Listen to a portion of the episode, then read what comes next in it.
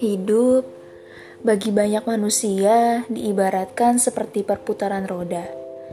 Di suatu masa akan berada di atas, yang berarti berada di masa jaya.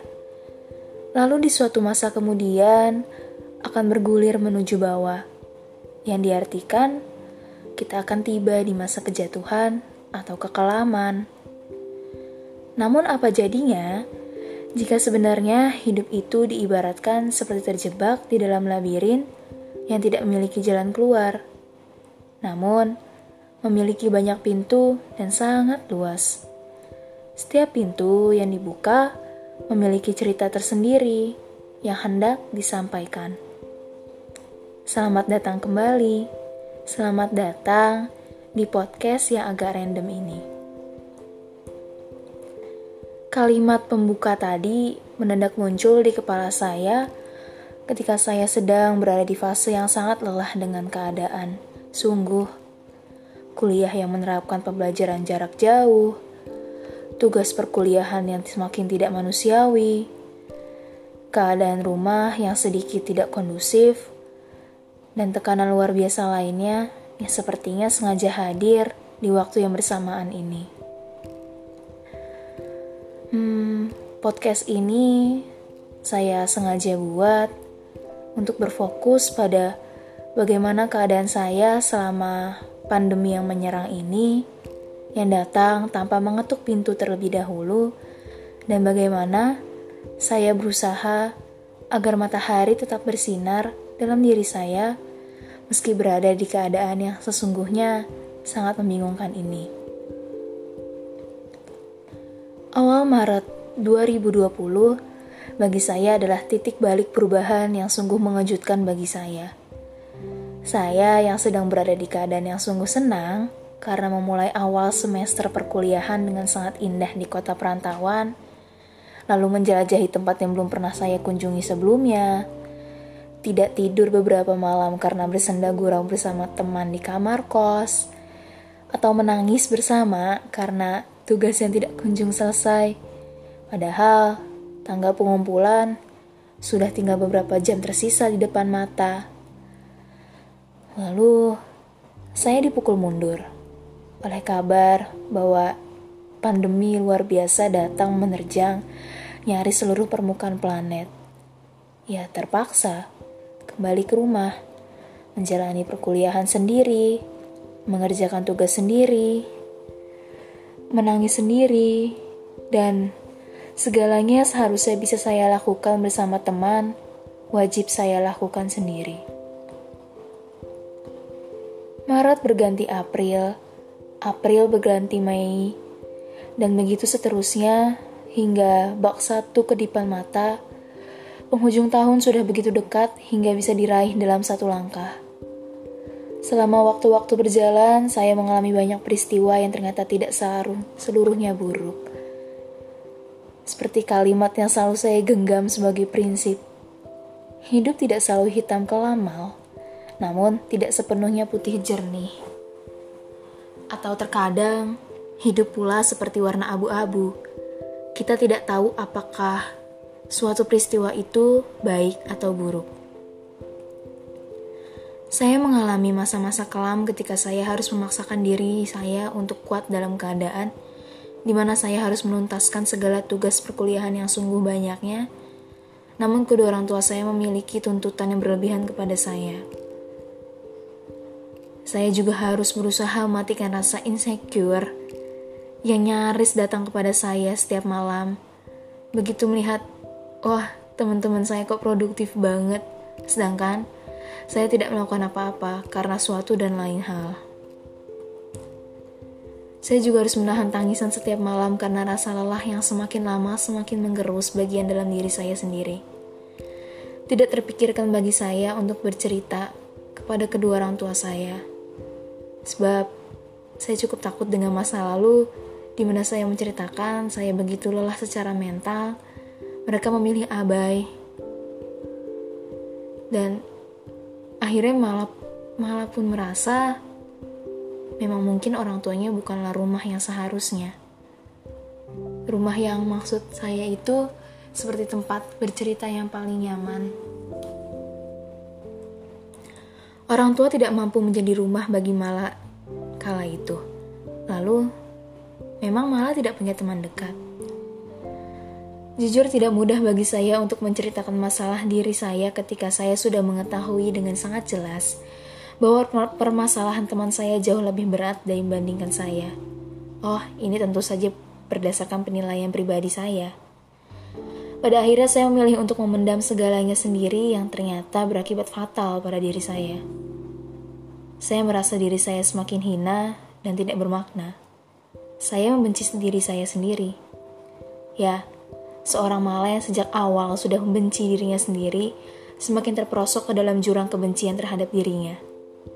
Saya berkawan baik dengan gelap dan hampa Sulit mengungkapkan bagaimana perasaan yang berkecamuk di dalam tubuh sampai timbul rasa sesak yang tidak pernah saya rasakan di waktu lampau. Saya merasa gusar dengan sesak yang tidak pernah saya kenal. Saya merasa terlalu sakit, namun di mana letak kesakitannya pun tidak pernah saya ketahui. Lalu entah bagaimana caranya, secara tidak sadar, saya berkenalan dengan sesuatu yang seharusnya tidak pernah saya kenal saya berteman baik dengan sesuatu yang bernama melukai diri saya sendiri. Ya, ia berkenalan baik dan terus erat hingga sekarang. Masa-masa tersebut bagaikan badai yang tidak kunjung berakhir. Di mana rasa sesak yang menyusahkan itu menyapa, maka si teman baru tersebut akan menyambut menghasilkan karya besar di bagian tubuh yang semula tidak pernah ada apa-apa di sana. Saya menjadi sosok yang semakin menutup diri dari semua keadaan dan selalu berekspresi datar. Saya mulai sulit membedakan apakah saya merasa senang karena saya tahu di mana ketika saya senang, pasti kesedihan tak berujung pasti akan menyusul. Saya mulai tidak peduli dengan keadaan tubuh maupun mental saya karena yang saat itu bersarang di kepala saya adalah jika orang lain saja tidak peduli dengan apa yang terjadi pada saya, untuk apa saya ikut peduli? Dan beberapa saat kemudian saya menyadari betapa rendahnya pemikiran tersebut. Matahari dalam diri saya pun mulai menampakkan diri saat perayaan Hari Kesehatan Mental, tanggal 10 Oktober lalu. Kala itu, saya penasaran. Untuk pertama kalinya saya penasaran sekali dengan uh, Hari Kesehatan Mental. Lalu dengan Rasa penasaran yang cukup besar itulah, saya memberanikan diri untuk mengikuti suatu seminar yang membahas tentang luka di masa lalu. Selama saya mengikuti acara tersebut, sisi hati kecil saya yang terlampau keras ini mendadak melunak. Begitu mendengar ucapan narasumber yang masih segar di berada di otak saya. Narasumber itu seorang penyanyi yang saat ini masih terkenal. Bukan masih sih, sedang namanya Baskara Putra atau orang-orang sering kenalnya dengan Hindia. Beliau berkata, kalau bukan dari diri sendiri yang berusaha untuk menyembuhkan luka, yang memang hanya kita yang tahu, lalu siapa lagi yang bisa diandalkan? Kira-kira kalimatnya seperti itu. Saya tertampar begitu kerasnya hingga rasanya kepala saya begitu pusing. Ini gak berlebihan, tapi memang begitu adanya. Pening memikirkan tentang bagaimana bodohnya saya membiarkan badai menerjang kehidupan saya begitu lama. Saya terlalu sibuk menyalahkan keadaan yang menyelimuti saya sehingga saya tanpa sadar sedang membesarkan sebuah ego untuk membenci diri saya sendiri. Seolah-olah saya sedang membunuh secara perlahan tubuh serta jiwa saya. Saya terlalu memerhatikan berapa banyak kelam yang saya alami hingga lupa mungkin ada cerah yang menyapa saya namun saya abaikan dan saya hempaskan jauh-jauh. Begitu memprihatinkan diri saya, namun saya tidak ingin jatuh kembali ke dalam jurang yang sama, atau justru ke jatuh lagi ke jurang yang jauh lebih dalam dan tidak tahu kapan akan menemukan ujungnya. Tanpa harus berpikir panjang, saya mencoba menanam kembali diri saya. Menjadi pribadi yang mulai menerima serta mencintai diri saya sendiri. Karena saya pun tahu pada akhirnya, saya tidak dapat kembali ke waktu lampau di mana saya dapat mengubah segalanya. Saya tidak dapat berdoa kepada Tuhan agar memundurkan waktu agar saya tidak perlu lagi menunjuk keadaan sebagai biang kegundah gulanaan saya dan saya tidak mau menjadi orang yang begitu memprihatinkan lagi. Hmm, perlahan tapi pasti saya bangkit. Meski rasanya sungguhlah sangat sulit. Dengan bantuan konselor online, saya mencari tahu apa yang bisa saya lakukan untuk menolong diri saya yang nyaris sekarat mulai membangun kembali kebiasaan membaca yang sempat menghilang, membuat daftar hal-hal apa saja yang harus dilakukan jika masa gelap itu kembali datang. Dan tentu saja konselor membuat saya merasa jauh lebih baik karena saya mulai belajar secara rutin konsultasi ke konselor tersebut. Saya bahkan mulai menantang diri saya untuk mendaftar berbagai kegiatan di luar akademik sebagai bentuk perlawanan diri sekaligus memberanikan diri saya untuk menjalani apa yang saya sukai. Saya mendaftarkan diri ke dalam komunitas anti perundungan dan mendaftar kegiatan lainnya. Di suatu kesempatan saya mencoba mencurahkan perasaan saya dalam bentuk cerita singkat maupun puisi yang ternyata itu sungguh berhasil menyingkirkan perasaan sesak yang selalu datang dalam diri. Namun segalanya memang tidak pernah berjalan dengan sangat mudah. Kecanduan saya terhadap melukai diri saya sendiri masih cukup sulit dilenyapkan, tapi bukan berarti saya akan menyerah begitu saja. Kali ini, saya enggan untuk menyerah bertarung dengan badai yang ingin berkenalan kembali.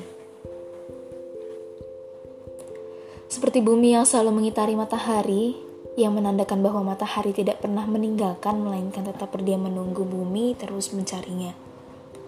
Matahari dalam diri saya pun sebenarnya tetap ada. Namun, pada saat itu saya malah berlari menuju lubang hitam yang penuh dengan pengharapan yang sungguh tidak baik. Matahari tidak pernah berhenti bersinar meski siang dan malam selalu hadir. Sama seperti harapan akan masa yang lebih baik akan selalu hadir, meski keadaan selalu berganti antara baik dan buruk. Lalu kehidupan juga berjalan seperti kita terjebak di dalam labirin yang luas dan memiliki banyak pintu di mana pun itu. Kita tidak akan tahu bagaimana isi dalam masing-masing pintu. Yang pasti, setiap mengunjungi satu pintu, pasti terdapat hal yang bisa dijadikan pembelajaran untuk berhati-hati dalam membuka pintu-pintu lainnya. Ini merupakan pembelajaran penting bagi saya. Apa pun yang telah saya lewati di belakang, saya tidak perlu susah payah untuk menyalahkan atau memohon histeris agar saya dikembalikan ke masa itu. Saya hanya perlu tersenyum dan menanamkan dengan baik bagaimana di depan saya akan mengambil langkah yang bijak, namun tidak mengabaikan keinginan dari diri saya sendiri. Kurang lebih satu bulan lagi, saya akan berpijak pada tahun yang lain tahun yang mungkin hanya berganti angka, namun siapa yang tahu ada cerita apa yang menunggu di sana.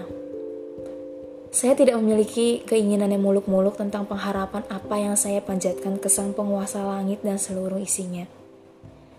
Saya hanya meminta semoga di tahun besok, dua tahun, atau berbelas-belas tahun yang akan menghampiri nanti, saya selalu diberikan keteguhan dan kedamaian dari dalam diri hati saya agar saya bisa terus mencintai dan menerima diri saya sendiri apa pun yang terjadi dan bagaimanapun keadaan menghampiri saya.